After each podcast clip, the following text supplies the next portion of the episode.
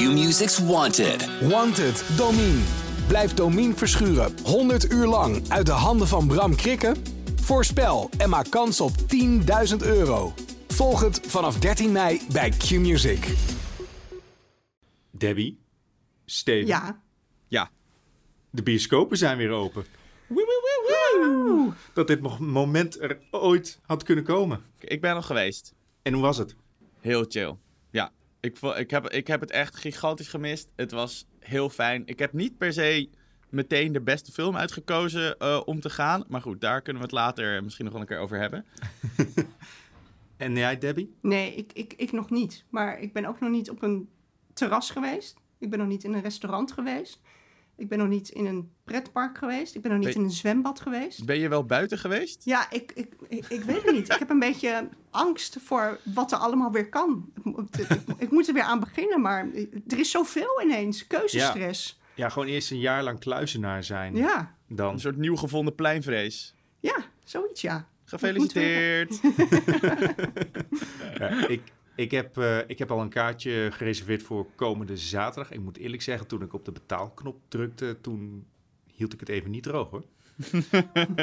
toen, eh, Ja. ik, ik kan niet wachten om, eh, om zaterdag weer 6 euro te betalen voor een colaatje. Weet je. Ik denk dat ik het dan gewoon met tranen in mijn ogen zo'n tientje geef en zeggen ze van, hou het maar. Ja, ik ga straks ook weer. Ik ga over straks. Ik ga vanavond ga ik naar de Oost. Dus ik ben, ik ben mijn woord aan het houden, jongens. Ik ben allemaal Nederlandse films aan het Wat kijken. goed. Heel goed.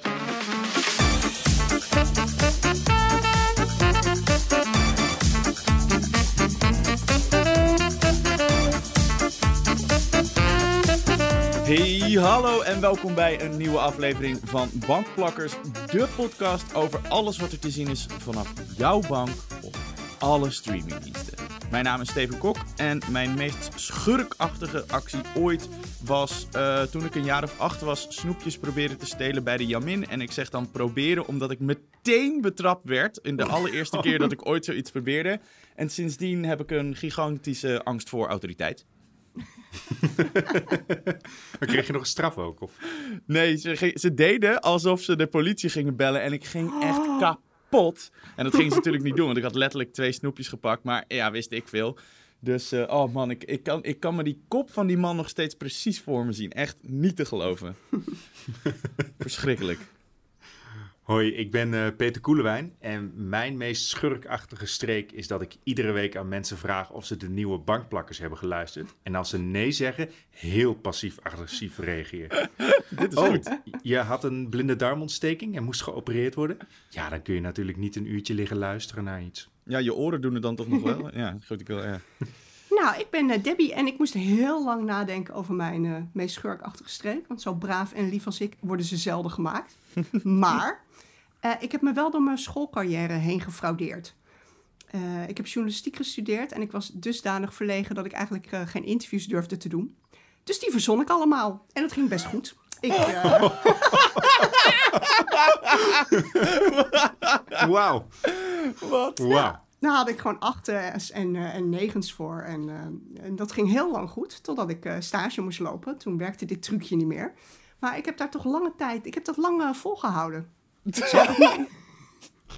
Je, bent, je, bent, je bent ook goed terechtgekomen. Ook Ja. dat nog, ook dat nog. Je Ja, hebt jezelf gewoon oh, helemaal een weg naar hoofdredacteur gefraudeerd. Ja. mooi hè? Wauw. Ja, Jij bent, maar jij bent echt een schurkje.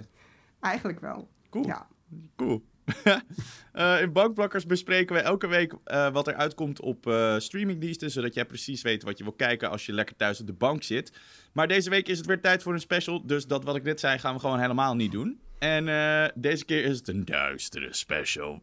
Want we gaan het hebben over de beste schurken van de 21ste eeuw. Dus vergeet alles wat je weet over Darth Vader en over alles voor het jaar 2000, want die doen niet mee. Jongens, wat maakt voor jullie een goede bad guy? Schurk, villain, hoe je het wil noemen. Nou, ik ben even echt de boeken hiervoor ingedoken. Hier heb ik me niet doorheen gefraudeerd. Ik heb hiervoor geresearched. Ik trek alles in twijfel van hem nu wat jij Ja. zegt. Maar dit is een belangrijk onderwerp. En, ja, want ik, ik dacht, ja, hoe zit dat eigenlijk met, ehm, met hoe je een verhaal vertelt en de schurk? Want zo'n schurk die is natuurlijk met opzet gewoon ontworpen om de held van het verhaal dwars te zitten. Hij, zet, eh, hij zet het verhaal van de held eigenlijk helemaal in gang. En hij laat dan ook zien hoe die held groeit en zich ontwikkelt. En niemand minder dan Jung, jawel, de filosoof, noemt dat concept de schaduw. En die schaduw die is echt doorslaggevend om, eh, om weer balans in je verhaal te brengen. We kennen allemaal schurk, verstoort orde in de wereld of wil die vernietigen. En dan komt de held en die moet het oplossen. En zonder schurk kan de held dus helemaal niet bestaan. En dit zijn wel de schurken die ik het prettigst vind. Dus die, Zeg die, maar, die, die- zeg maar letterlijk de, de tegenhanger zijn van, Ja. van de protagonist, Ja. zeg maar. ja, Ja. echt de klassieke schurk die, eh, die de held dwars zit. Ik hou daarvan. Ik vind het, ik vind het moeilijk. Ik, eh, ik ben niet de boeken ingedoken in ieder geval. Debbie ook niet hoor, dat is allemaal gelul natuurlijk. Ik twijfel zelfs of die Jung bestaat. Maar... nee. Nee, ik, eh, eh, ja, als ik, als ik het echt moet samenvatten, dan denk ik gewoon dat een schurk moet voor mij... Ik, ik moet het leuk vinden om hem te haten. ja, En ik snap- denk ja. dat ik daar gewoon bij hou. Want het, eh, Ja, ik snap, ik snap die ook wel heel goed. Ik denk, wa- wat voor mij ook nog wel... Ik vind het heel... Ik vind een villain ook vaak leuker als hij... Als je je er ergens nog wel in kan verplaatsen. Als je ergens denkt van... Hij heeft eigenlijk wel een beetje een punt. En dat je zelf ook een beetje ongemakkelijk wordt daarover of zo. Dat vind ik altijd wel lekker. Dat, Ja. dat het niet zo zwart-wit is of zo. ja, dat is ook een beetje menselijk overkomen. En, Precies. en ja. hebben jullie nog uiterlijke eisen aan een schurk? Moet hij ook angstaanjagend eh, eruit zien? Nee, hoeft voor mij helemaal niet. Ik vind zeg maar een, een gruwelijk monster vind ik te gek. Maar ik vind een, eh, zeg maar een witte crimineel die eh, gewoon het allemaal heel smooth doet, vind ik ook heel leuk. Dus Ja. daar heb ik niet per se eisen aan. Ik heb wel, eh, ik heb wel een zwak voor, eh, voor camp. Dus ik, ik hou wel van flamboyante schurken, weet je. Die duidelijk zichtbaar plezier hebben in evil zijn. Ja, ja, die snap ik wel. Debbie, behalve grote neuzen. Ja, nee, nee. nou ja, de, de absentie van een neus, daar komen we natuurlijk straks nog eh, op. Dat, Ja, we hebben een heel Dat- divers lijstje. ja, dat, dat vind ik wel dusdanig angstaanjagend. En sowieso, eh, als, als er dingen in een gezicht missen, eh, vind ik dat wel altijd heel eng. En dat draagt altijd wel bij aan, eh, eh, aan hoe spannend ik, eh, ik zo'n schurk vind. Ja, precies. Ja, Ja. ja we, we moesten natuurlijk een, een, een, een, een lijst opstellen met de voorwaarden die we aan onze schurken gingen stellen. Want we konden, niet alle, we konden ze natuurlijk ten eerste niet allemaal meenemen. Het zijn er zoals altijd zijn het er weer acht die we tegenover elkaar gaan zetten, zoals we in onze specials altijd doen. En daarvoor moesten er een, eh, een hoop afvallen. Dus de voorwaarden die we hebben gesteld was eh 21ste eeuw. Hè, dus alles vanaf het jaar eh, 2000. En een andere die denk ik ook heel belangrijk was... is we hebben afgesproken dat het geen anti-held mag zijn. Dus het mag niet, Ja. zeg maar... De, eigenlijk, de, de, eigenlijk de hoofdpersoon van het verhaal zijn of de protagonist... maar die dan eigenlijk stiekem ook evil is. Ik denk dat een heel goed voorbeeld daarvan is eh, Walter White uit Breaking Bad. Die is natuurlijk de good... of hij is eigenlijk degene voor wie je... die je hoopt dat het lukt. Maar tegelijkertijd is hij natuurlijk ook langzaam maar zeker... gewoon echt een walgelijk eh, mens aan het worden... Die hebben we eh, uitgesloten. Dus het moet echt degene zijn die tegen de hoofdpersoon werkt. Dus je moet het inderdaad, je moet ook tegen die persoon zijn, denk ik, als kijker meestal. En het gaat dus niet per se om aantallen. We kwamen natuurlijk heel snel. Doden heb je het nu over, hè? Ja, Slachtoffers. precies. Slachtoffers, sorry. Ja, want je kan natuurlijk heel makkelijk zeggen van ja, eh, Thanos eh, die is bereid het halve eh, universum om te leggen, dus, of zelfs het hele universum. En is daarmee dus het kwaadaardigst van ze allemaal. Maar dat reduceert het gesprek ook een beetje tot gewoon een numbers Ja. game. En dat vinden we gewoon niet leuk. Uiteindelijk is, is ook niet iedere massamoordenaar interessant. Dus. Nee, precies. En daarmee, daarmee sluit je ook andere briljante schurken, sluit je daarmee natuurlijk ook uit. Dus dat hebben we niet gedaan. En uiteindelijk is het belangrijkste, belangrijkste maatstaf is denk ik voor ons allemaal wat ze boeiend maakt. Hè? Of, het, of het een interessante schurk is Ja. en waarom dan. En nou ja, dus dat is, eh, dat is denk ik waar we voor gaan streven. We mochten er dus acht hebben. Dat betekent, want we hadden geloof ik een, een longlist van 38 of zo. Zoiets, ja. Eh, wil jij nog even wat honorable mentions doen? Jazeker, het is echt eh, een bloedbad eh, geworden. Dus eh, een paar van deze namen doen pijn. Maar ik ga ze eventjes allemaal noemen voor een honorable mention. Waarom blijven we onszelf dit ook... Het, zeg maar, elke keer als we een special doen, komen we op dit punt... dat het gewoon eigenlijk heel naar is om die keuzes te moeten maken in het Ja. begin. Dus eh, ex- extra waardering, beste luisteraars, voor alle, alle moeite en emotionele eh, stress die we hiervan ervaren. Oké, je noemde Walter White toen net al. Dat is een van de schurken die is afgevallen. Saruman van Lord of the Rings doet ook niet mee. Gollum evenmin. Doc Ock van Spider-Man. Eh, Anton Chigurh van No Country for Old Men. Loki. David Jones van Pirates of the Caribbean. Immortan Joe van Mad Max Fury Road. Kylo Ren van Star Wars. Mag ik hier even weg. op inhaken? Ik vind het niet erg dat Kylo Ren er niet in zit. Omdat ik Adam Driver natuurlijk weliswaar eh, woest aantrekkelijk vind. Maar hem als schurk eh, een jankerbalk vind. Dat was mijn bijdrage. Ja, volgens mij. Een hele eh, goeie. Ik ben het er wel mee eens. Ja, oké. Eh, verder hebben we nog Lotso Huggins, de roze teddybeer van Toy Story 3. Hmm, Regina George van Mean Girls was niet fetch genoeg voor de lijst. ja, Eh, Professor Umbridge van Harry Potter ook niet. oh, dat, dat, die, die doet mij het meest pijn, want ik haat haar echt met een Ja. diep gewortelde passie. Maar waarom is zij ook alweer afgevallen? Waarom hadden we ook alweer... Omdat we misschien iemand anders uit eh, deze filmreeks Right. hadden. Oh ja, dat was ook nog een voorwaarde. We mogen maar per, per filmreeks of per eh, eh, universum mocht er maar één iemand in zitten. Ja. Ja. Zijn er nog andere schurken in Harry Potter behalve Umbridge?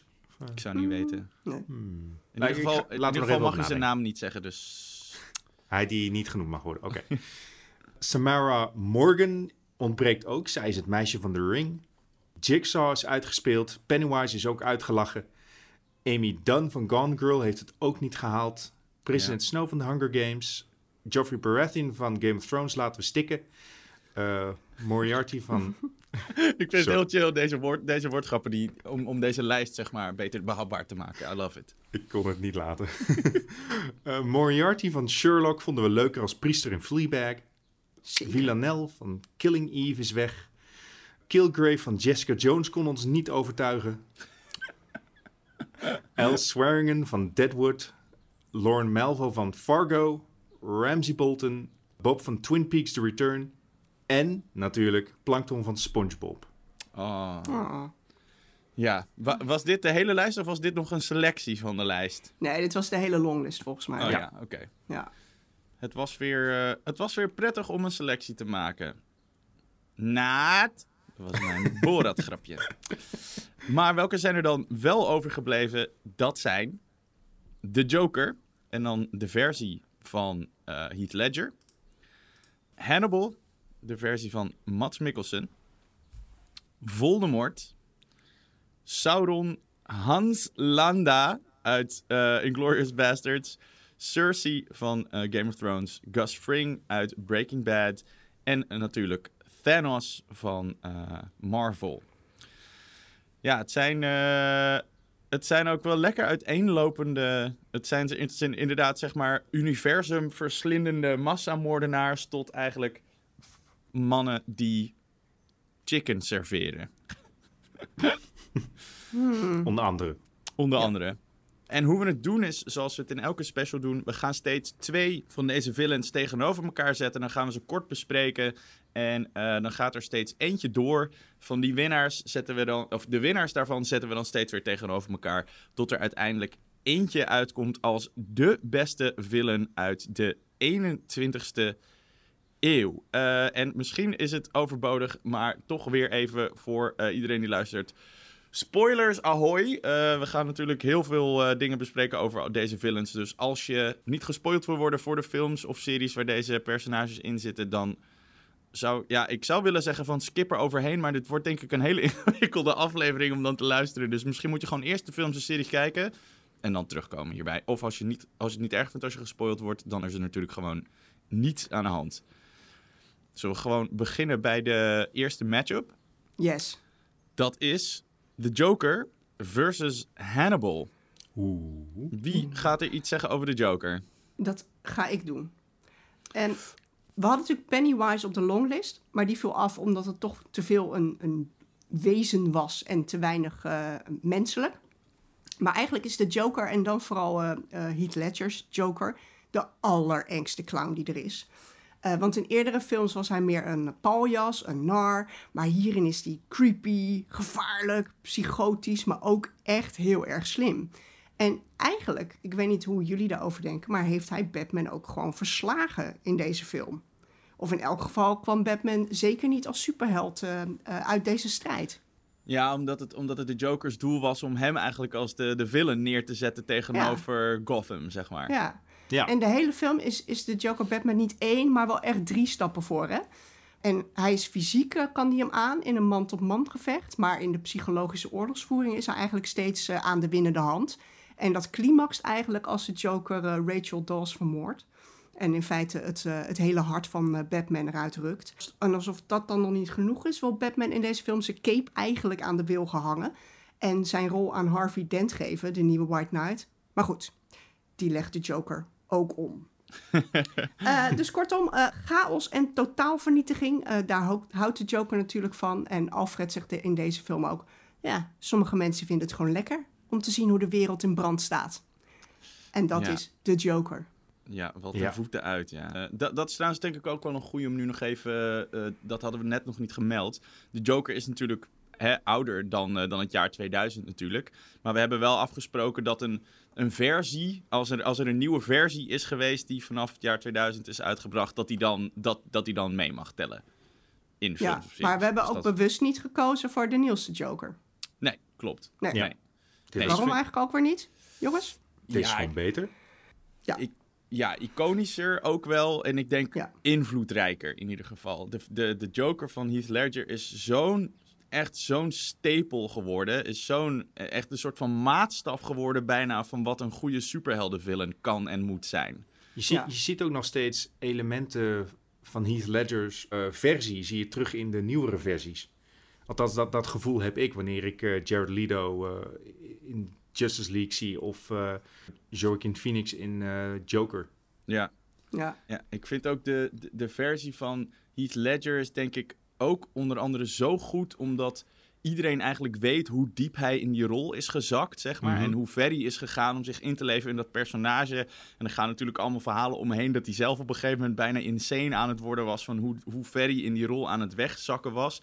En ik heb echt het gevoel dat je dat terugziet. Ik vind, ik vind de Joker aan zich een cool personage, maar niet wereldschokkend of zo in, in, in, in, wa- in waar hij voor staat of wat hij doet.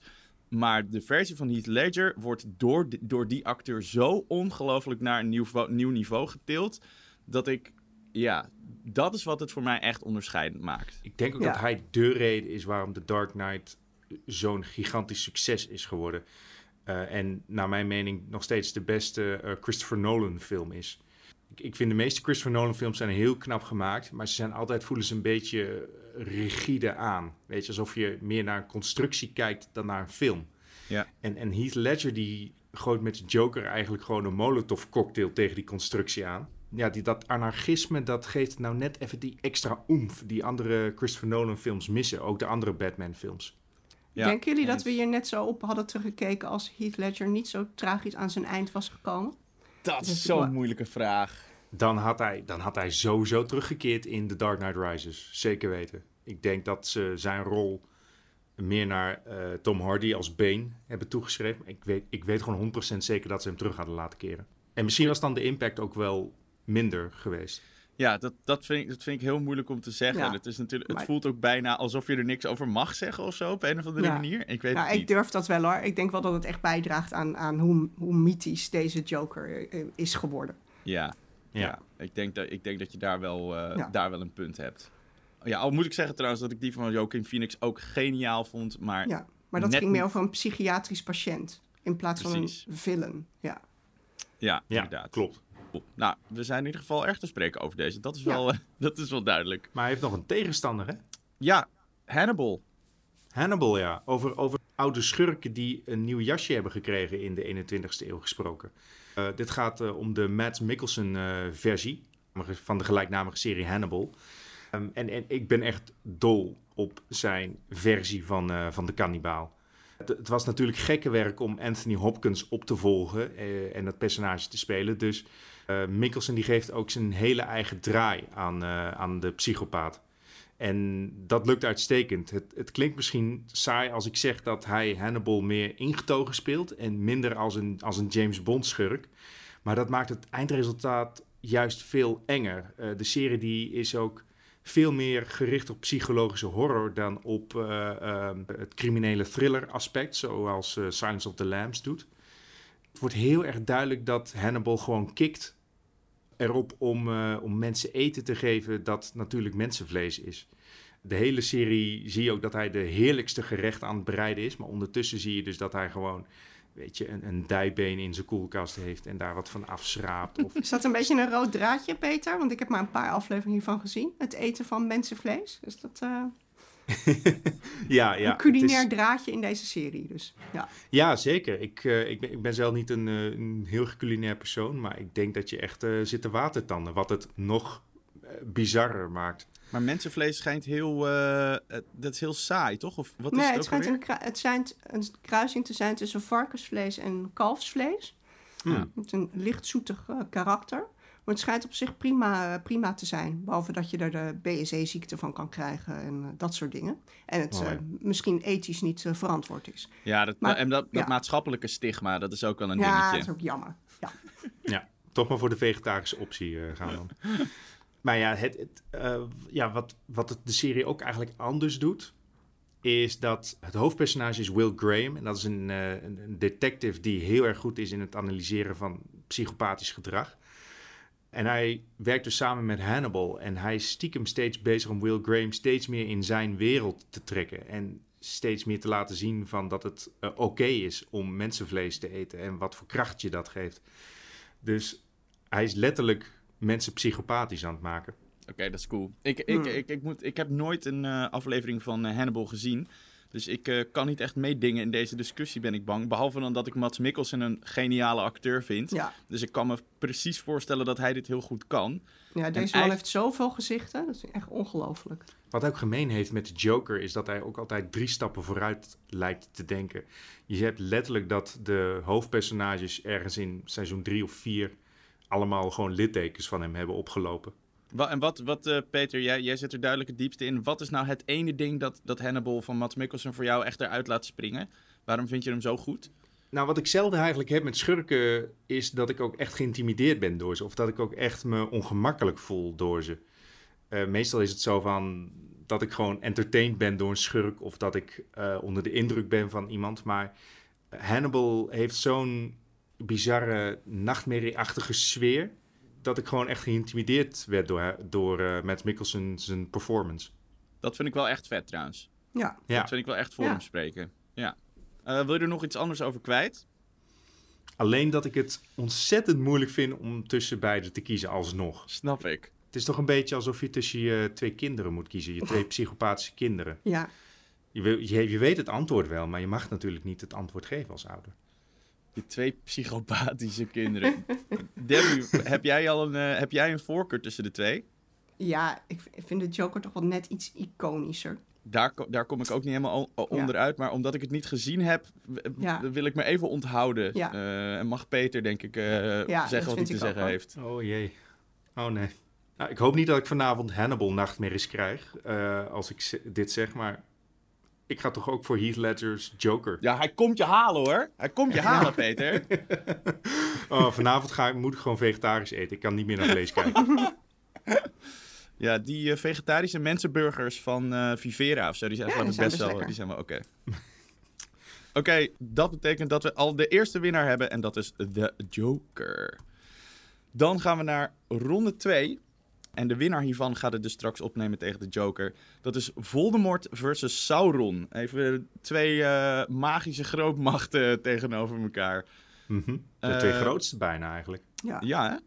Debbie, volgens mij ga jij iets vertellen over Voldemort, hè? Zeker, Lord Voldemort. Ehm, werd ooit geboren als een, eh, als een doodgewone jongen, hè? Tom Marvolo Riddle.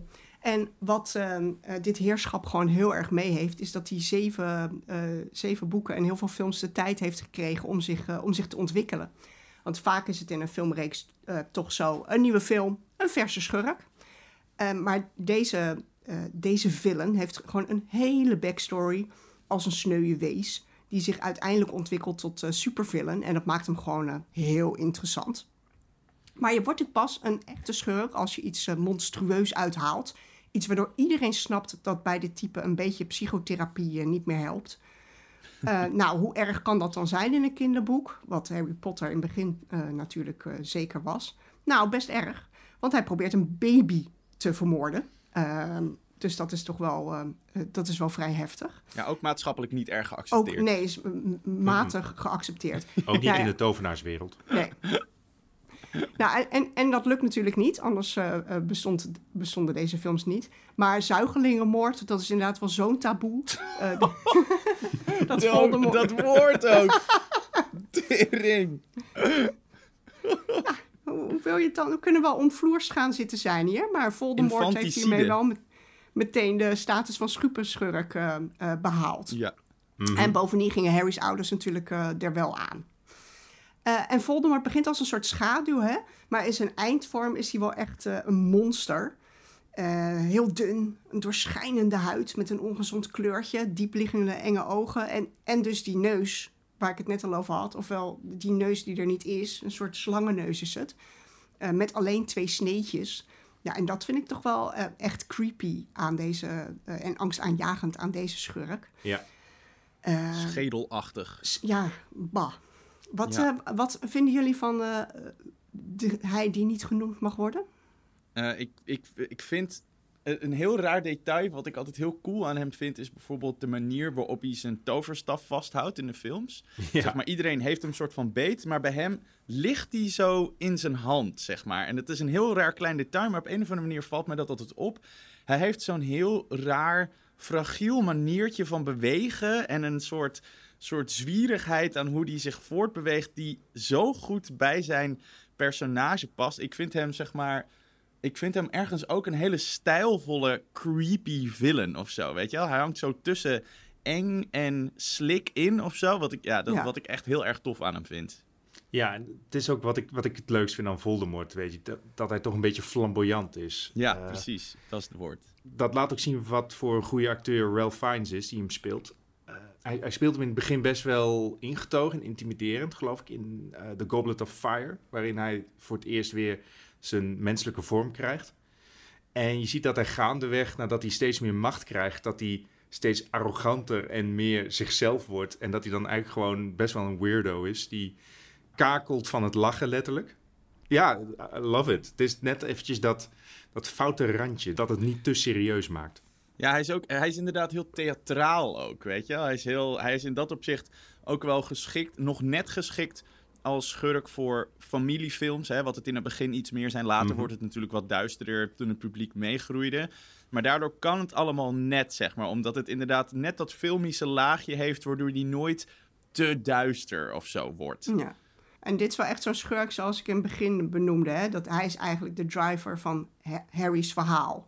Ja, ja precies. En zij zijn natuurlijk inherent aan elkaar, ze, gekoppeld. ja, ze zijn echt aan elkaar verbonden natuurlijk. Ja, Ja, wa- Ja. want Harry, Harry blijkt een Horcrux te zijn, toch? Zeg ik het nou goed? Of... ja dat klopt. Eh, dat is Ja. een... Ja, zijn litteken, geloof Ja, ik, is dat. Ja, of, zijn we nu, worden we nu straks eh, belachelijk gemaakt door alle Harry Potter fans omdat we het verkeerd hebben? Nou, dat merken we wel via Instagram en Twitter. Ehm, maar eh, ja, die, dat is inderdaad wel echt iets wat denk ik voor Voldemort spreekt. Hij kan ook alleen maar bestaan bij de gratie van het feit dat Harry Ja. bestaat. En zo. Het Die- is ook die- zijn die- enige doel, hè? Harry moet dood. En verder is er niet zoveel. eh, en verder heeft hij ook weer- verder geen wensen. Het is eigenlijk heel overzichtelijk. Ja, Ja, ja. Ja. ja, maar het maakt hem inderdaad als verhaaldrijver inderdaad echt perfect. het is goed Ja. om, eh, om duidelijke prioriteiten in je leven te hebben. precies. Misschien is dat ook wel iets waardoor je merkt dat hij uit een boek komt. Dat het zo soort van zo inherent gekoppeld is of zo. Dat voelt meer als iets literairs dan iets filmisch of zo bijna. Ja. Maar misschien, eh, Ja. ja. Nu ga je wel heel diep, ja, sorry. maar mooi. Maar eh, over literaire villains gesproken. Sauron. Ik wil hier wel even iets over vertellen. De grote bad guy uit The Lord of the Rings natuurlijk. Het eh, vuuroog bovenop de toren in Barad-dûr, in de hoofdstad van eh, Mordor. Ik hou echt enorm van de Lord of the Rings eh, films. Eh, maar ik heb wel alleen maar boek 1 eh, ooit gelezen. Iets waar ik mezelf de hele tijd mee voor mijn kop sla. Ik moet er echt weer een keer aan gaan Met beginnen. dat boek ook, letterlijk. Ja, het is er, het is er ook zwaar. Nou, Die- pas op, die- hoor. ik, heb, ik heb dus zo'n combinatie van ze alle drie. En daarmee kan ik mezelf echt prima KO slaan als ik dat wil. Ook nog de hardcover Eh, zeker? Of, eh, Ja, precies. Maar het is dus... eh, ik ben er dus even ingedoken hoe dat personage in elkaar zit. Maar dat is zo, dat is zo ingewikkeld. Die lore van Tolkien, dat gaat zo diep. Maar het komt erop neer dat Sauron een soort godheid is... die betrokken is echt bij de schepping van de planeet... En eh, nadat hij eh, een hoop kennis tijdens dat soort van scheppingsproces heeft opgedaan, sluit hij zich aan bij een donkere, nog sterkere god die eh, Melkor heet. En Melkor die wordt dan evil en die hernoemt zich dan naar Morgoth, want dat klinkt eviler. En eh, na wat oorlogen en ruzies komt er een eh, einde aan het, eh, aan het leiderschap van Morgoth. Want die gaat dan dood, dus dan kan je geen dingen meer leiden.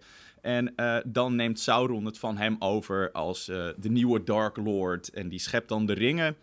En op het moment dat die ring van zijn vinger ge gechopt wordt, dan gaat hij naar die staat waar die dat oog is en heeft hij geen fysieke vorm meer. Nou, hoe dat allemaal precies in elkaar steekt is echt super complicated met allemaal, nou ja, goed, allemaal dingen die ik eh, voor deze podcast niet, eh, niet precies kon uitzoeken. En in eerste instantie was, was ik eigenlijk niet zo heel erg overtuigd van eh, of Sauron wel, zeg maar, nou, of ik hem nou echt een hele goede bad guy vond. Maar hoe meer ik erover nadacht en hoe meer ik de films weer in mijn hoofd ging afspelen, hoe meer ik me er wel van begon te overtuigen dat ik hem eigenlijk heel erg cool vind. Hij is, hij is namelijk de enige in het lijstje ook die we hebben die geen, of in, in, in, in ieder geval in de films, geen fysieke vorm heeft. Dus er is ook geen acteur die hem speelt.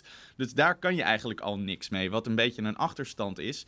Maar aan de andere kant maakt dat het personage natuurlijk wel zodat het overal altijd aanwezig is. Het zit in de ringen, het Ja. zit in zijn leger en in die soort van corrumperende invloed die overal eigenlijk in de wereld is. Dat, dat is hij. Ja, hij is dat is eigenlijk een nog soort- het, be- het beste vergelijken met de duivel aan het zeggen. Het is gewoon puur kwaad. Gewoon Ja, Ja. incarnate. Hij is ongrijpbaar daardoor ook. En dat, dat, dat maakt hem wel heel tof.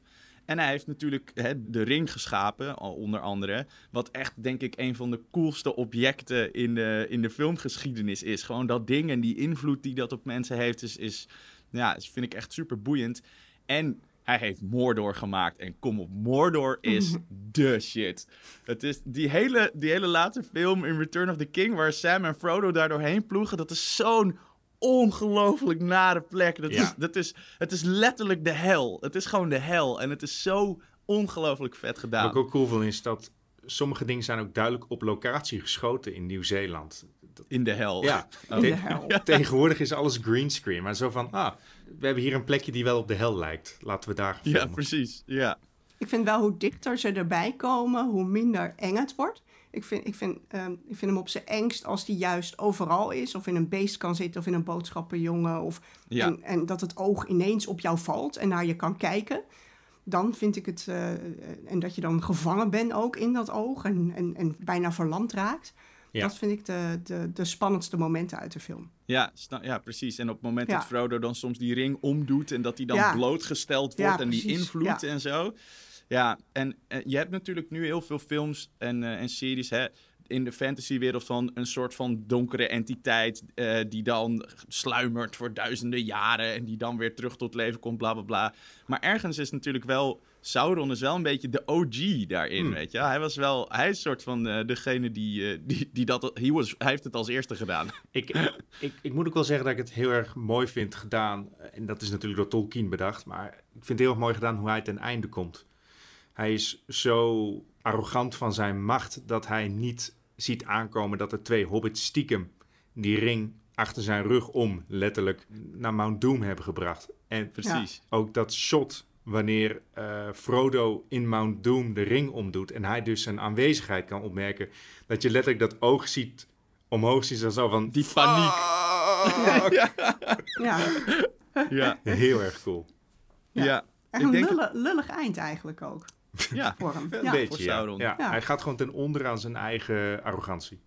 Ja. Ja, en het is, het is moeilijk om, om, om echt letterlijk een, een soort van godheid te, ver- te vergelijken met gewoon een persoon en zo. Ik snap dat dat moeilijk is, maar ik vind Sauron echt wel tof. Het enige wat ik denk ik, wat een beetje tegen Sauron werkt, is hij heeft natuurlijk niet echt een menselijke kant. Hij is zo ongelooflijk allesomvattend duister dat je er ook niet echt een gesprek mee kan voeren of zo. Of je kan er niet, weet je wel, er kan niet een soort van eh, zo'n dialoog tussen de Joker en Batman of zo. Dat is natuurlijk ergens ook een beetje wat je wil Ja. of zo. Die, Ja.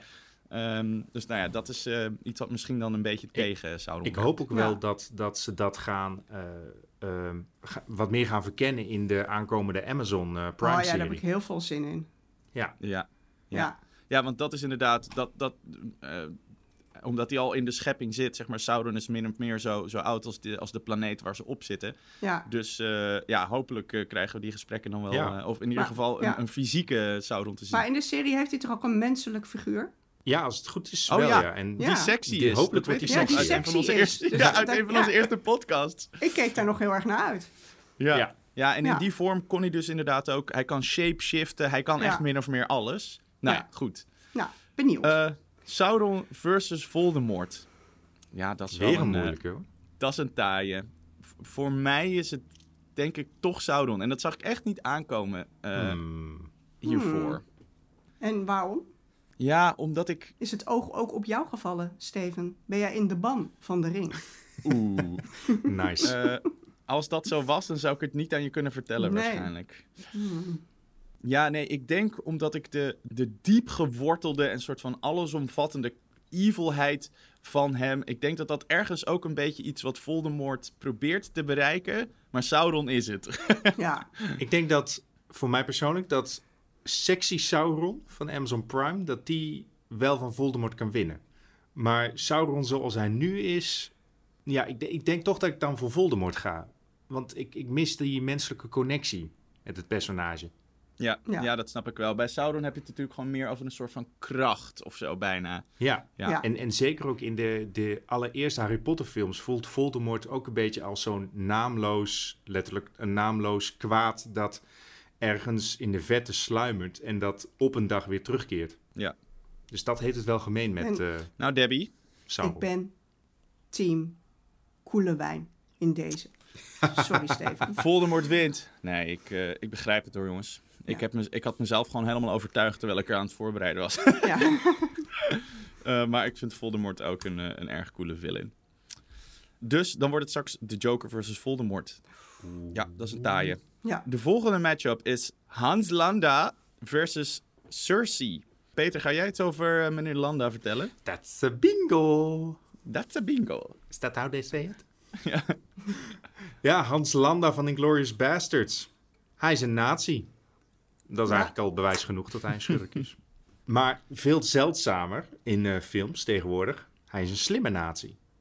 In, eh, in het begin, aan het begin van de film zegt hij het gewoon eigenlijk al letterlijk tegen de Franse boer. Hij is een rat en daardoor jaagt hij veel mensen de dood in voor zijn eigen gewin. Alles draait eigenlijk om zijn eigen gewin. Hij verraadt letterlijk Adolf Hitler omdat hij zelf er beter van kan worden. En eh, grappig genoeg eh, lukt de hele film, eh, lukt zijn plannetje gewoon. Christoph Waltz, de acteur, die speelt het ook heerlijk het spelletje mee. Hij speelt Hans Lander zo heerlijk zelfgenoegzaam en arrogant. Hij weet, het is net alsof hij het script al gelezen heeft van de film en weet hoe het gaat lopen. Je verwacht het niet. Nee, ja. Maar Peter, vol- voldeed hij ook aan jouw eis dat je hem haatte? Ja. Dat je het... Ja, ja? Ja? en, eh, eigenlijk gewoon al aan het begin weet je dat hij een Joodse familie eh, dood laat schieten. En gewoon puur Shosanna, het meisje dat weet te ontsnappen. Ik, ik weet eigenlijk niet de reden waarom hij haar laat gaan. Ik denk meer zo van dat hij gewoon geamuseerd is dat ze Ja. het zo ver weet te schoppen. Maar dan later, of een paar jaar later, als ze dus onderduikt in Parijs en haar eigen bioscoop ook heeft, dan komt hij haar tegen en het is ook zo van dat hij dan gewoon even met haar praat over wat dingen. En dan eh, zegt ze, oh, and one more thing. En dan geeft hij haar gewoon alleen een blik. Zo van, ik weet dat jij het bent. En ik weet wat jij bent. Ja. Maar goed, dan, dan is hij nog steeds geamuseerd. Het is eigenlijk gewoon als een kat met een muis. Wat het einde des te beter maakt. Want dan is het ene moment dat hij één dingetje over het hoofd heeft gezien. En dat is eh, Lieutenant Aldo Rain. En wat hij precies doet met nazi's. Dus ehm, ja, hij gaat dan wel naar Amerika toe. Maar dan met een enorm eh, hakenkruis als een litteken op zijn voorhoofd. Dus ja, het is gewoon een heerlijk personage om te haten. Ja, wat, wat ik dus ook tof vind aan, aan deze Tarantino-film... is dat hij nazi's weer tekenfilmfiguren durft te maken. De meeste Ja, moderne inderdaad. Tweede Wereldoorlog Ja. films... die maken van nazi's, weet je... Die, die maken meer mensen en die laten ook zien van dat... de Duitsers ook veel kwaad is aangericht eh, onder eh, Hitlers bewind. Maar soms is het gewoon leuk om van nazi's tekenfilmschurken te maken... zoals in bijvoorbeeld Indiana Jones. Ja, dit is gewoon een beetje die revenge porn waar, ik, eh, waar Tarantino natuurlijk erg, eh, erg lekker in zit. Ja. Ook met eh, Once Upon a Time in Hollywood doet hij dat natuurlijk ook. Hij creëert de geschiedenis van en wat als het een beetje anders was gelopen. En dan gaat hij gewoon uitspelen hoe iedereen had gewild dat het was gegaan. Ehm, Ja, dat- Ik vind deze film dus echt heel vervelend. Maar goed, ik Oh. heb er helemaal niks mee. En ik heb hem, ik heb hem wel uitgekeken, maar echt met tegenzin. Oh, echt? Ja, ik vond hem gewoon echt niet leuk. Oh, ik vond het wel echt fantastisch. Maar wa- wa- Nee. wat was dan de reden? Vond je het... Ja, dat, dat eh, inderdaad, wat, wat, vooral, hoe Steven het zo samenvat, weet je, eh, eh, gewelddadige, Ja. eh, porno, bijna pornografisch-achtig geweld om niks. Ja, dat vind ik toch steeds stommer worden. Ik vind het zo'n trucje worden. En, en- en- ja, nee. dat snap ik wel. Ja. ja. Ja, Het is natuurlijk inderdaad. wel ook zijn stijl. Hè? Ik bedoel, dat, dat, dat, dat, dat hypergeweld en zo, dat is wel ook wat, wat, wat Tarantino een beetje onderscheidt. En hij Ja, maakt het vond- wel, wat, wat Peter zegt, hij maakt het ook wel cartoonesk. Hij maakt er Ja, ook maar een, ik vond in Once Upon a Time in Hollywood ondersteunde het het verhaal nog. Eh, Ja. En dat, dat had ik hier minder. Dat was Ja, gewoon... eh, inderdaad. Nee, het, was ja. wel gewoon een beetje, het is wel een beetje gewoon nazi's mappen, deze film. Ja, nazi's mappen. Ja. Ja. Een soort wack, een soort whack the mole met nazi's was het. ja. Ja, echt. Ja. Nou, ik, ik heb Inglourious Basterds, ik heb hem maar één keer gezien en was, eh, is ook best lang geleden. Dus ik moest weer even wat scènes eh, van Hans Landa gaan kijken voor, voor deze podcast. En Christopher Waltz doet het zo onwaarschijnlijk goed. Hij is zo'n goede acteur voor deze rol. Je hebt die scène dat ze in het restaurant zitten en dan bestelt hij die twee stroedels. En dan komt, dan eh, vergeet hij om de slagroom erbij te bestellen. of, hij, of hij vergeet het niet, maar hij doet het expres niet. En dan creëert hij zo'n heel klein momentje van macht. Dat zij wil beginnen met het eten van die stroedel. Dat hij zegt: nee, nee, nee, even wachten nog op de slagroom. En dat soort hele klein. Hij heeft zeg maar elke scène waar hij is. Beheerst hij gewoon. En Ja. hij, of dat nou op micro of wat grotere schaal is, hij doet dat hij doet dat zo goed. Ik heb daar echt zoveel respect voor, voor die acteur, maar ook voor die rol. En inderdaad, dat zelfgenoegzame. Ja, als je het hebt over stijlvolle villains, dan is dit, dit spant echt wel een beetje de kroon of zo. En, en ook Tarantino's ehm, kunst om de juiste acteur te casten in die rol, weet je. Hij gaat gewoon zo van, oh, ik heb een keer een obscure film in Oostenrijk, of een Oostenrijkse film gezien waarin die acteur zat. En die wil ik hebben in mijn film. En dat hij dan gewoon naar Oostenrijk vliegt om, om Christoph Waltz te casten. ja fantastisch. Ja, een terechte, ik denk zeker wel een terechte top achter. Tegenover Cersei. Ben de die! Jawel. Wordt toch wel eh, de grootste schurk eh, uit Game of Thrones. Yes. Cersei Lannister. En de enige vrouw hè, in dit lijstje. Ja, Ja, Ja. Ja. De vrouwen zijn gewoon eh, wel leuk, wat, eigenlijk. zeg, wat zeg je, vals, sp- valspeler? Valspeler, nee. Nee, dat zijn niet. Eh, ja, haar zoon Joffrey was natuurlijk een eh, sadistische lul met vingers. Eh, maar maar ja, maar Ja. toch is eh, eh, Cersei van een ander niveau. Gek als een deur. Ze had natuurlijk een affaire met de broer. maar ze deed ook haar andere broertje al pijn toen hij nog in de kribben lag. En, boven, en bovenal, ze doet echt alles. Maar dan ook echt alles om aan de macht te blijven en haar vijanden uit te roeien. En ze leeft natuurlijk in een, eh, in een mannenwereld, maar ze maakt daar gewoon eh, haar eigen regels om, omheen. Oh, de zoon van de koning moet om de, op de troon? Nou, prima joh. Maar dan ga ik echt wel vlak achter hem staan om hem te beïnvloeden. En ja, al die mannen in haar omgeving, die zijn zo met zichzelf bezig. Mhm. Ja, dat ze helemaal niet doorhebben dat ze door haar eh, gemanipuleerd worden vaak. Ook Game of Thrones kent natuurlijk ook veel seizoenen, dus ze ontwikkelt zich. En dat vond ik wel knap. Er zijn zeker seizoenen en momenten dat ze mijn sympathie had. Dat, hè, dat ik heel even op haar hand was. Dat ik haar zielig vond, want ze heeft toch een, hè, een heel tragisch leven- levensverhaal. Mhm. Maar dan deed ze weer iets zo verschrikkelijks. En dan was ik er weer helemaal klaar mee. Dat ik haar haatte en haar dood wenste. En ja, dan ben je gewoon echt een goede schurk. Sorry, Night King. Jij zag er wel eh, cooler uit. Oh, de Night King vond ik zo saai. Oh, echt? Ik vond hem er zo cool uitzien. Nou, Nou ja, vooral dat de eerste keer dat, hij, dat je hem zag. ja, met die En daarna- armen zo. Ja, en daarna was hij ook eigenlijk al uitgespeeld. Het, Maar voelde, het voelde wel raar om zo'n traditionele schurk te zien in een serie die juist erop prat gaat dat ook het grootste politieke monster eh, menselijk is. Ja. Ja. Ja. Nou, dat, dat is denk ik wel ook wat ik heel cool vind aan Cersei. Zij is natuurlijk de perfecte villain voor Game of Thrones ook specifiek.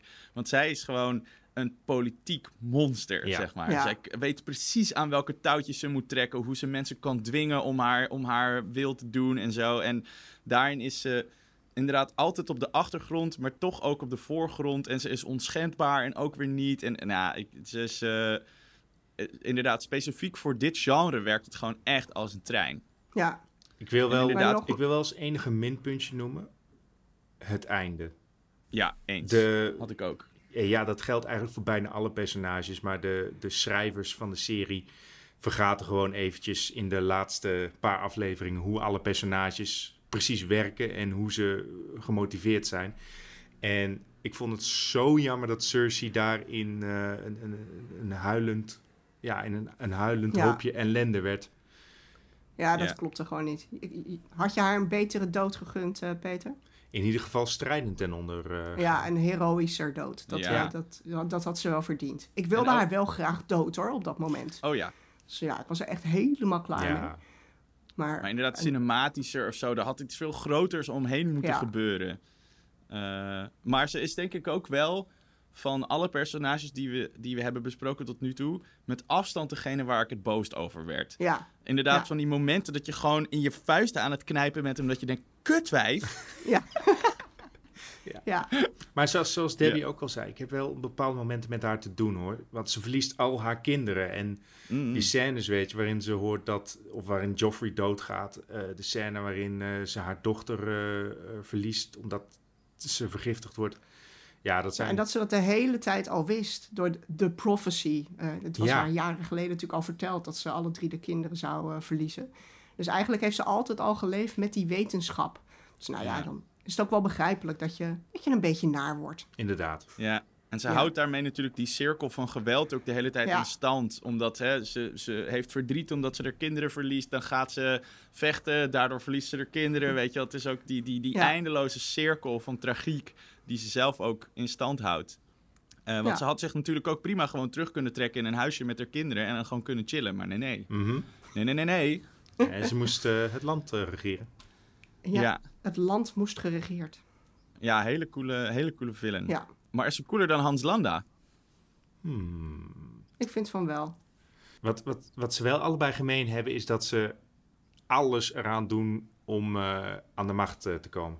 En hun eigen hachje te redden. Ja, Ik vind haar een originelere eh villain vooral. Want ja, een Duitse natie. ja. Hè, om daar anno de 21ste eeuw nog mee aan te komen. Ja, kan prima. Geef- Maar eh, origineel is het niet. Geef iemand een pet met een schedel erop en dan is hij automatisch eh, de slechterik. ja. Ja, ja ik vind Lijkt me ook... zo kut soms om, om Duitser te zijn. Dat, je, dat, dat dit maar blijft. Maar je hoeft niet per se nazi te zijn als je Duitser bent. Hè? Dus dan, als je nee, dat maar je gewoon wordt niet wel de hele tijd het geconfronteerd met dat het maar doorgaat in, eh, hè, in, Ja, de- in, klopt. de, in de cinema's. Net als Ja. Oostblo- Oostblokker. Dat is gewoon ook niet leuk. Want die zijn nu altijd de schurk. Ja, Hoe stom is dat? Maar Ja. goed, dit, dit terzijde. Nee, ik vind Cersei ook een eh, gelaagdere villain. Eh, er zit meer diepte in. En dat is natuurlijk ook totaal niet het doel van Hans Landa. Dus op zich is de vergelijking een beetje scheef. Ja, Ehm, maar ik, zou, ik stem ook wel voor Cersei. Hoewel ik Christoph Waltz wel echt briljant vind. Ja. Ik stem ook voor Cersei, dus het is unaniem. nou, Nou, een, een, een sweep. hoppakee. Oh ja, nou, er begint wel een, een duister eh, eh, kwartetje te ontstaan langzamerhand. Dan gaan we door naar de laatste voorronde. Gus Fring versus Thanos. Eh Gus Fring, wie gaat er iets over Gus Fring vertellen? Oh, eh, ja, ik. Oh, ik. Helemaal niet voorbereid. Oh, who, me? Ja, Gus Fring, jongens. Het, eh, Gus- eh, het is zo'n geweldige schurk dat eh, de acteur Giancarlo Esposito nu gewoon de go-to acteur is. Als series een kalme zakenman nodig hebben die stiekem een monster is. Ja. Want hij speelt tegenwoordig vergelijkbare types in The Boys, in The Mandalorian en zelfs in Community een beetje. Ja, dat klopt. Ja. Oh ja. Ja, ja. Ja? daar zit hij ook Ja. nog in. Ja. Ja, geen van die personages kan tippen aan eh, Gus Fring. Voor zijn introductie in Breaking Bad hadden Walter en Jesse alleen nog typisch uitziende drugsdealers meegemaakt. Beetje eh gangsterachtige types en macho mannetjes en zo. Dus het was heel grappig dat ze Gus Fring ontmoetten als een bedrijfsleider van een, eh, van een kippensnackbar. En hem niet gelijk herkenden als eh, hun contactpersoon. Los Pollos Hermanos. Jazeker. dat komt dus ook doordat hij gewoon echt eruit ziet als een manager. En zijn zakelijke managersstijl lijkt aanvankelijk heel verfrissend voor Walter. Maar al gauw ontdekt hij uh, wat voor type Gus werkelijk is. Ja, dan concludeert hij gewoon dat Gus Fring iemand is die iedereen op zijn pad opruimt als die hem in de weg staat. Inclusief zijn oudste bondgenoten. Dus ja, als je voor Gus Fring werkt, dan ben je je leven gewoon nooit zeker. Dit is wat de mensen een, een schoft noemen. Ook een fijn woord. Echt een ouderwets ambachtelijke schoft. Hij is te smooth om een schoft te zijn. Ik denk dat zijn, zijn, zijn trademark is die kalmte en dat welbespraakte. Hij verliest nooit zijn cool. Weet je wel, hij, hij valt ook niet naar mensen uit of zo. Hij is gewoon, hij heeft de controle over de situatie, blijft gewoon rustig. En daarna smeet hij gewoon een plan en dan, dan is het gewoon afgelopen voor je. Wat ik ook leuk vind is dat uh, hij, is dus vaak heel kalm. Maar, maar uh, Giancarlo die speelt het dan ook zo dat soms zie je die onderdrukte woede zie je heel eventjes verschijnen. In Breaking of in uh, Better Call Saul heb je bijvoorbeeld een, een scène dat hij even gebeld wordt door een, uh, door een contactpersoon. En dan zie je hem dus ook gewoon echt die irritatie dat hij op zijn werk gebeld wordt over, om over drugszaken te praten. Of dat hij een, een, telefoontje heel opgewekt bespreekt en dat hij daarna gewoon keiharde grimas geeft als hij een telefoontje afsluit. Een van de beroemdste scènes is uh, wanneer uh, Walter en Jesse hem verraden hebben en dat hij dan zo stap voor stap naar de trap toe afkomt lopen. Een regenjas aandoet, weet je, om zijn pak uh, tegen het bloed te beschermen en zo. En dan niet hen vermoordt, maar een van zijn handlangers. Om te laten zien van dat hij letterlijk iedereen vermoordt die hem in de weg staat. Ja. Ja, wat ik, wat ik cool vind aan, aan een Gus Fring is dat hij... Zeg maar, hij heeft natuurlijk heel veel macht. Hij is echt een, een criminele kingpin. Maar hij doet, hij doet niks om de status of om uh, uh, wat het hem oplevert qua uiterlijk vertoon. Hij doet alles puur en alleen om de macht die het hem oplevert, maar loopt daar totaal niet mee te koop. En daarom doet hij het echt alleen voor zichzelf. En dat vind ik zo cool aan hem, dat hij letterlijk gewoon tafeltjes afneemt uh, in, uh, in zijn uh, kiprestaurant, weet je wel. Hij is zo bereid om zich gewoon als de aller soort van normaalste burger te gedragen. Want het maakt hem niet uit of iemand weet of niet dat hij een drugsimperium heeft, als hij het maar heeft. En dat, dat ding, dat hij, dat hij bereid is om... Ja, dat, nou, dat, vind ik, dat vind ik echt het definiërende en ongelooflijk coole aan hem. Niemand hoeft te weten dat hij het doet. Is die ook wel eens, uh, ik ken deze schurk niet goed genoeg, is die, heeft hij ook wel eens je sympathie, Peter? Of is hij gewoon altijd in en in slecht? Ja, hij heeft een paar kleine, kleine momenten heeft hij je sympathie. Bijvoorbeeld de reden dat het restaurant Los Pollos Hermanos heet, is omdat hij eerst een zakenpartner had en dat was echt zijn boezemvriend. En je ziet in een flashback dat hij ter plekke wordt vermoord door... Uh, de, de, de uh, bovenste drugsbaas in uh, Mexico. Die scène zie je als motivatie voor waarom hij later wraak neemt op die persoon. Dus op dat moment heb je wel zo van: oh ja, ik snap nu een beetje beter waarom hij dit doet. Ja. Maar hij is verder wel een vrij machinale bad guy, toch? Hij is ja. wel, hij is heel kil en koud en uh, bijna robotachtig, zeg maar. Het is gewoon, wat je zegt, systematisch alles wat hem dwars zit uit de weg ruimen, omdat hij zijn doelen wil bereiken. Ja. En zijn doelen zijn ook verder niet opgegeven uit een soort van idee van... Uh, weet je wel, Sauron die wil eigenlijk namelijk gewoon orde scheppen. En uh, straks komen we bij Thanos, die wil eigenlijk een nieuw universum scheppen wat beter werkt. Gus Fring wil gewoon drugs verkopen en die wil gewoon, die wil gewoon rammen. Ik besef me nu wel dat de reden dat hij doodgaat is omdat hij zich één keertje permitteert dat hij iets doet dat hij heel erg graag wil doen. En dat is een van zijn uh, oude rivalen vermoorden. Right. Dus zodra hij daarmee breekt, dan breekt hij. Ja. ja. wat dan een van de beste sterfscènes ooit oplevert. Wie was het? Uh, even kijken hoor. Ik ben eventjes zijn. Over Hector Salamanca. Dat was oh, ja, hem, ja. Hector. In het uh, rolstoeltje. Ja. En dan met het explosief. En een van de zeldzame keren dat Gus Fring zijn cool verliest. Ja, ja. Oké. Okay. We gaan naar Thanos. Ja, deze staan nogal uh, ver, ver, tegenover elkaar. Maar ja, op een gegeven moment moesten we ze toch. Uh, je, er moesten matchups komen. Ik wil inderdaad uh, Thanos wel even toelichten. Ik denk een van de schurken, in ieder geval in de films met uh, een van de meeste screentime van de mensen die we vandaag bespreken. Of het is natuurlijk eigenlijk geen mens. De eindbaas uit de Avengers-reeks van Marvel, gespeeld door Josh Brolin. Die vooral in Infinity War en Endgame een gigantische rol speelt. eigenlijk is hij in Infinity War nou ja, bijna de hoofdpersoon. Thanos, die, dat is wel interessant, dat wist ik niet. Maar Thanos is dus de zoon van twee Eternals. En de Eternals, dat zijn dan weer de, de wezens waar de, de nieuwe Marvel-reeks over, over gaat. Op jonge leeftijd uh, raakt hij geïnteresseerd in nihilisme. En uiteindelijk drijft dat hem ernaar om een soort van ja, nihilistische kijk op het universum Heeft uh, Fortune of zoiets ontdekt. Ja, precies. Dat gewoon een beetje op B rond te scrollen. en zijn doel wordt daardoor eigenlijk het halveren van het leven in het universum. Je ziet het universum als overbevolkt en er zijn niet genoeg resources en mensen en of ja, alles en iedereen vecht met elkaar over, over de beschikbare middelen. En volgens hem kan je dat het beste oplossen door het hele universum gewoon eigenlijk door de helft te knippen. Daarvoor heeft hij de Infinity Stones nodig. En daarvoor is hij in de films de tijd bezig om die te regelen. En dat lukt hem ook daadwerkelijk. Wat ik eigenlijk wel een van de tofste dingen vind aan Thanos. Het lukt hem om die stenen te krijgen. En dan doet hij de befaamde snap. En lukt het hem ook om de helft van het universum ja, eigenlijk te laten sterven. Uh, maar de Avengers gaan daar natuurlijk een stokje voor steken. Die beginnen met tijdreizen, bla bla bla. En dan zegt Thanos: Nou, dan doen we het lekker anders. Dan ga ik gewoon het hele universum slopen. Fuck jullie. Um, en wordt het zijn doel om het hele universum opnieuw op te bouwen. In wat hij noemt een Grateful Universe. Om een nieuw universum te creëren. Maar geen gek idee toch van Thanos? Wat nou, dat, is de, dat vind ik inderdaad wel cool. De, zeg maar de, de, de eerste helft, uh, waarin hij de helft van, uh, van het universum slopen? Dat is een hele interessante vraag natuurlijk. Uh, het is, het is een uiteraard hele... alleen als gedachte-experiment. Ja, uiteraard, tuurlijk. Hè? Uiteraard. Maar ja, ja ik, ik voelde wel... Ik denk, ja, nou, daar heeft hij gewoon een punt. Ik snap dit wel. Ik wil niet, ja, ik wil niet de wijsneus hier uithangen. Maar ik dacht bij mezelf zo van... Ja, maar als je alles kan creëren of alles kan doen met de Infinity Stones... waarom creëer je dan niet gewoon oneindige resources... zodat er Weet je, ja, mensen daar, worden uitgemoord. Daar had ik inderdaad, dat had ik ook even opgezocht. En uh, zeg maar, hij had zich inderdaad al wel zo ver ingegraven in dat idee van we moeten halveren.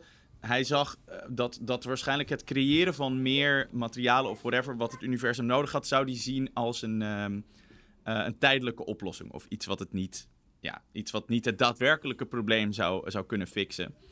Weet je wat ik vervelend ja. vind aan dit heerschap? Eh, hij is zo lang zo onverslaanbaar. Hè, Thor's bel haalt niks uit. Uh, de, weet je, er staan op een gegeven moment uh, eh, 37 Avengers op hem in te hakken. En dat doet gewoon niks. En als een schurk echt bijna onverslaanbaar is, dan begin ik me weer te irriteren. Dan denk ik, ja, kom op zeg. Hij moet dood. maar als in dat wordt het saai, bedoel je? Ja, dat, ja, dat vind ik gewoon niet leuk. Als, iemand, als, als een schurk zo enorm sterk is. Ja, hij, moet, hij, lijkt op een gegeven moment geen kwetsbaarheid meer te hebben. En dat, uh, ja, dat vond ik een vervelend, uh, vond ik vervelende momenten in de, in de films. Ja, ja, dat snap ik wel. Wat ik wel wat ik aan hem waardeer is dat hij hij ziet hetgeen wat hij moet doen, ziet hij ook daadwerkelijk als een soort van taak die echt zo zwaar op zijn schouders rust. Hij is de enige die het kan en die bereid is om die moeilijke keuze te maken. Dus hij doet het ook niet met plezier of, uh, of, of uit eigen soort van machtlust of zo. Hij moet het doen, want hij ziet het als de enige oplossing. Dat vind ik wel sterk aan hem. En op zich is hij natuurlijk niet de eerste bad guy met een verknipt moreel kompas. Maar bij Thanos staat het zo centraal dat ik dat wel interessant aan hem vind. Maar op het moment dat hij overgaat naar dan, dan maar het hele universum dood, dan kom je in zo'n kolossale schaal van kwaadaardigheid terecht. Van ja, weet je, het is ook een beetje makkelijk. Iemand die het hele universum wil doodmaken. Ja, ja, ja hè, hè, dat is inderdaad heel evil. Dus als je het hebt over schaal, ja, dan, dan wint hij het wel. Want er is natuurlijk niks heftigers dan dat. Ik verwoest het universum. Ja, dat, ja. dat is gewoon de end-all van wat je kan doen. Wat ook, maar daardoor wordt hij ook saai. Wat ook... Ja, dat, dat, dat, misschien is dat ook wat ik bedoelde. Weet je, hij is zo, hij is zo machtig en, en, en hij wil alles stuk maken. En dat, ja, dat werkt dan toch minder voor mij. Het is natuurlijk wel het perfecte middel om een, om een groep almachtige superhelden op, weet je, op te laten staan om dingen te laten doen. Daar heb je ook een hele sterke tegenstander voor nodig, want anders is het die machtsbalans is er niet. Uh, maar ik voel je wel, uh, Debbie. Ja. ja. ja. Ik, ik moet ook wel daar nog aan toevoegen dat Thanos heeft ook als voordeel dat Marvel voor hem een hele lange reeks aan zwakke schurken had. En dat ze nu echt duidelijk wat meer moeite erin hadden gestoken. Dus eh, hij voelde daardoor automatisch wat verfrissender aan. Maar als je hem in een rij zet naast andere iconische filmschurken, dan, ja, dan gaat hij zeker niet winnen. Thanos Nee. en verfrissend in één zin. Dat is toch iets wat je niet vaak eh, hoort, Peter. Bedankt daarvoor. Nou, maar dan Ja. denk ik dat we eh, hier best wel snel uit zijn, hè? Gus Fring versus eh, Thanos. Volgens mij zijn we niet echt Thanos-fan. Of eh, schat ik het verkeerd in? Nee, nee. Wat Marvel betreft vind ik het toch jammer dat Loki niet mee mocht doen. Snap, ik Ja. snap waarom. Maar eh, nee, als, als, als dit de strijd is, dan eh, legt hij het af. Ja, nee, Loki had zeker gewonnen, maar Loki is natuurlijk Ja. is gewoon een anti-held, is een protagonist Ja. eigenlijk. Ja, Ja, Ja. Ik, en eh, disqualificeerd. ik denk dat Gus Fring met Infinity Gauntlet veel interessantere dingen Oei, zou kunnen oei, doen. oei, Ja. oei, oei. En gewoon crystal meth voor iedereen. Ik ga oneindig crystal meth voor mezelf maken en die dan verkopen. Yes, briljant. Oké, Gus Fring versus Thanos, dat is dan gewonnen door Gus Fring. Dan zijn we bij de laatste vier. De Joker, Voldemort, Cersei en Gus Fring. Ja, Eh, kom we op. gaan dan gewoon lekker door, jongens. Eh, Dit is de zo Joker moeilijk. Versus Voldemort voor de eerste plek in de finale. Is er iemand die een zeer uitgesproken mening heeft hierover? Wie zouden jullie het minst graag in een donker steegje tegenkomen? Ja, wel Voldemort. Eh, hij is natuurlijk wel meer, veel meer all-powerful dan, eh, dan de Joker. Of als, dan Heath Ledger. Ja, ik weet Maar- niet. Die gaat sowieso dood, denk ik dan. Hmm. Ik, Ja. ik, heb wel een, ik heb wel een hekel aan clowns. Ja, ik vind het moeilijk om te meten waar we, weet je, hè, wat, wat nu belangrijk is. Voldemort is denk ik in zijn schaal van kwaadaardigheid natuurlijk duisterder. Of is, die, is, bere- is bereid grotere, eh, grotere dingen te doen en is wel inherent echt evil. En de Joker heeft nog een soort verknipt idee van dat de, dat de maatschappij rot is en dat hij daar iets aan moet doen. En dat maakt hem interessanter, maar misschien wel minder duister of zo. Ja, Snap je Maar- een beetje? we zouden voor de... int- oh, eh, eh, belangrijk ehm, was interessant. Ja. Hmm. dus wat als we dan ja. voor de interessantste schurk gaan... Ja, ja, ja.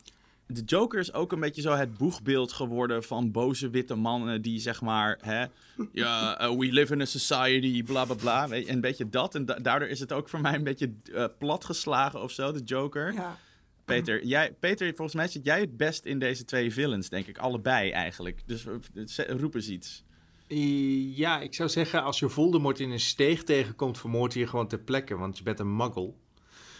Ik denk dat als je Joker in een steeg tegenkomt, dat je misschien nog een deal of zoiets kan sluiten. Of hem wat geld kan geven of zo. Of een rotje. Ja. Voldemort heeft zichzelf natuurlijk wel weer in zo zeven stukken gebroken om zijn, om zijn onsterfelijkheid te verzegelen en zo. Dat vind ik allemaal wel weer Ja. heel cool aan hem. want, ja, want eigenlijk was hij gewoon bang om dood te gaan, hè? Ja, Dus Ja. dat maakt hem ook weer eh, herkenbaar. ja hij handelt wel veel uit angst, inderdaad. Dat Ja. is wel zijn drijfveer. Ja, Ik denk dat de Joker, of in ieder geval Heath Ledger's versie van de Joker, is voor mij een veel realistischere dreiging. Omdat hij voelt echt als een, eh, een- een moderne terrorist. ja. Er zijn ook veel boze witte mannen. Ja, Zeker. ja precies. Hij is... Oké, prima. Dan ga ik voor de Joker. Ja. Dat vind ik een goed argument. Als in, hij is een, hij is een uitbeelding van een dreiging die er daadwerkelijk is. En dat is misschien ook de reden dat hij zo op een hele vervelende manier wordt toegeëigend door veel mensen. Maar ja, die voel ik wel. Oké, dus dan is het eh, de Joker, denk ik. Oh, we zijn er al. Ja, Jullie zijn het eens. ja. Lekker dit. Oké. De boze witte man is de dreiging. Meer dan een tovenaar die alles kan.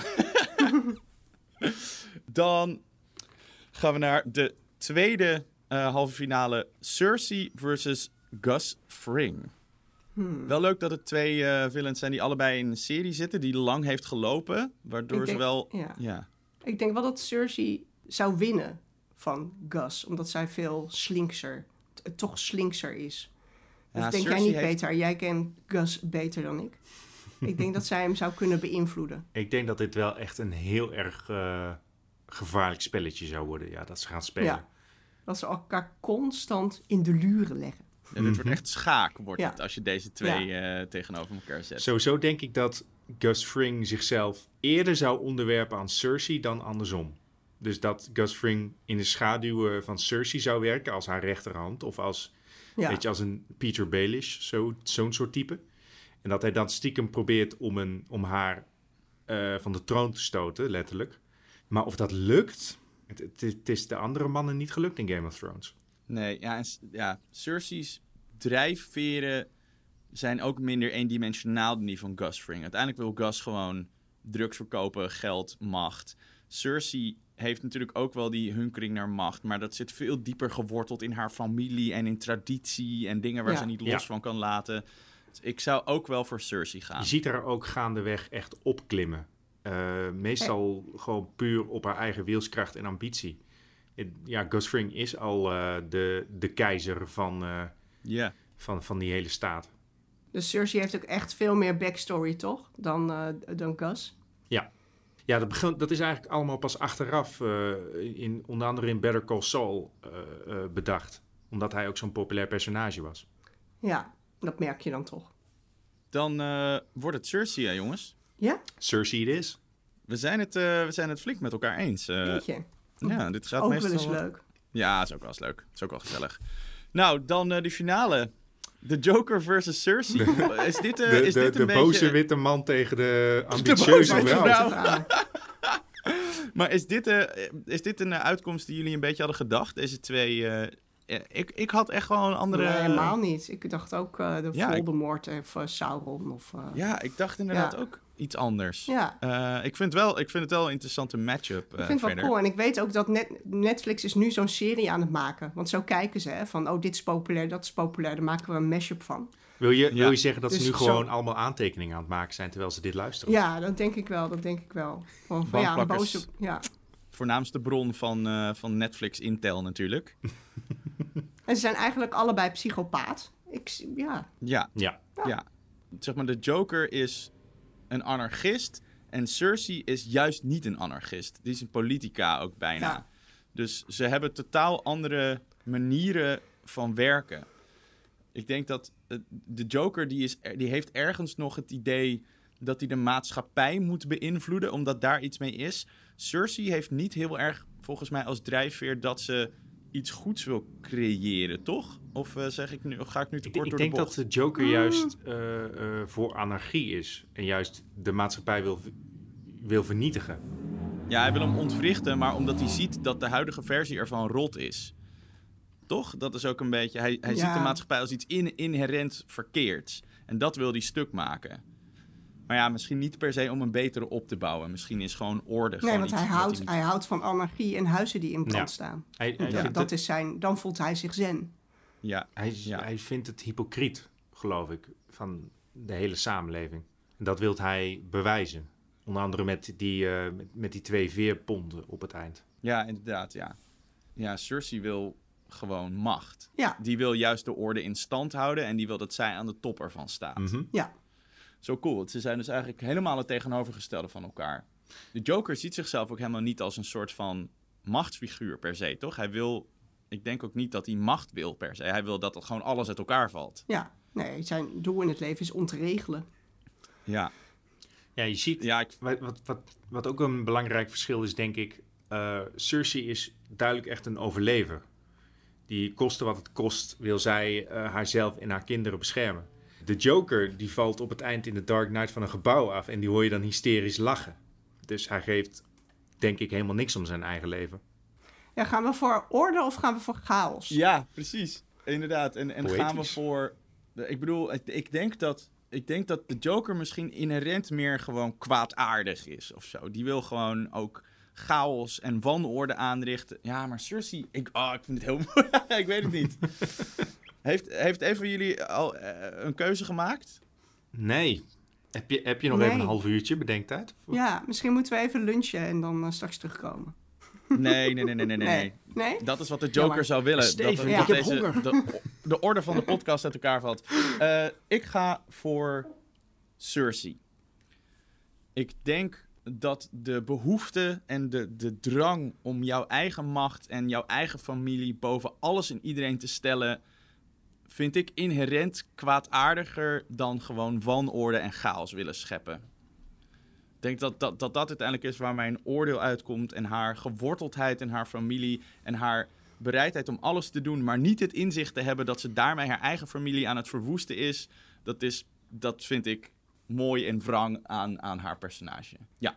Het wel fijn dat we het heel lang over Cersei hebben gehad zonder het woord powervrouw te gebruiken. Dat vind ik goed En nu doe je het toch? Ja, omdat ik... ga ook voor Cersei. Want zij drinkt ook veel wijn. Dat vind ik leuk. Ja, en, ze houdt en, wel om van alle wijn, re- ja. en om alle redenen die jij zei, Steven. Ja, ik, ik, ik, vind, ik vind Cersei uiteindelijk ook een realistischer schurk. Ik denk ook zeker in de latere seizoenen dat ze laten zien van, weet je, hoe ze fascisme omarmt, hoe ze eh, zelfs zoiets heiligs als een kerk durft te laten ontploffen. Het, voelt, het, het komt dan steeds dichter bij moderne dreigingen. Dingen die je ook in het nieuws soms ziet of waarop wordt gezinspeeld door sommige politici. Dus ja, dan voel ik me uiteindelijk toch meer geïntimideerd door een schurk zoals Cersei dan door een clown. Ja, die op, achter, die op de achtergrond van alles en nog wat aan het doen zou kunnen zijn waar je geen weet van hebt. Ja, Ja. Eh, bij de Joker ontploffen gewoon dingen en dan weet je dat dat gebeurt. Maar de, de, de angst eh, wordt bij mij ook groter als het een onzichtbaar kwaad is. Wat gewoon aan touwtjes trekt die je niet eens kan zien. ja. Nou, dan eh, zijn we eruit, jongens. Dan is officieel Guinness Book World of Records de allerbeste schurk van de 21ste eeuw. Cersei Lannister uit Game of Thrones. Woehoe! Gefeliciteerd! Wat een powervrouw. I would like to thank Jamie. ehm, Nou, vooral Jamie. Vooral Jamie. De gouden drinkbokaal komt eh, naar je toe. Cersei. ja. Precies. En het, wat er nog over is, een gesmolten stukje van de Iron Throne, eh, zullen Ja. we ook naar je opsturen. De enige vrouw die erin zat en die heeft gewonnen, vind ik Zie je? erg leuk. Ja, Ja, ik ook. ja een, eh, maar ook wel echt een terechte winnaar. ja. En een verrassende ook wel. Ja. Ja, en vooral, ik zag hem ook echt niet aankomen. Wat een rotwijf is het ook. Dan zijn we aan het einde van de podcast geraakt. Gefeliciteerd nogmaals aan eh, Cersei. En ook aan jullie natuurlijk. Voor jullie eh, meedingen in deze belangrijke keuze. En bedankt natuurlijk aan onze luisteraars dat jullie er weer bij waren. Mochten jullie nou een idee hebben voor een andere special, stuur hem lekker in. Eh, we gaan er eh, gerust eh, mee door. Eentje per maand of nou ja, soms iets, iets langer zit ertussen. Dus als je nou een leuk idee hebt, gooi het lekker op Instagram naar ons toe. bij Bankplakkers of op Twitter. Of op bankplakkers.gmail. Laat er ook een recensietje achter als je dat wilt doen. Dat vinden we heel fijn, want dan worden we beter zichtbaar bij andere mensen die vergelijkbare podcasts luisteren. En ehm, vertel eens mensen over onze podcast en over wat een fantastische keuze we wel niet hebben gemaakt. Over wat de beste schurk van de 21ste eeuw was. Eh, of over hoe belachelijk je het vond dat Loki niet mee mocht doen. Al die dingen. Jongens, ik heb een quote. I have all the characteristics of a human being. Flesh, blood, skin, hair. But not a single clear identifiable emotion except for greed and disgust. Is dit Tyler Durden van Fight Club? Nee. Nee. Het was Patrick Bateman. Gespeeld door Christian Ah. Bale in. American Psycho. Ja, ik zag die. Ik dacht, oeh, die had er eigenlijk ook in gemoeten. Ja? Maar goed, was natuurlijk weer een anti-held, dus dat mag niet. Of nou ja, anti-held. In ieder geval de hoofdpersoon. Je was niet tegen hem of zo. Ja, het hangt een beetje vanaf, weet je. Heeft hij werkelijk al die eh, mensen vermoord of niet? Oké, sst, anders klopt de uitslag van deze podcast niet meer. Klaar! Doei! Iedereen bedankt voor het luisteren. Doei, bye bye, doei! Doei, dag. Tot de volgende.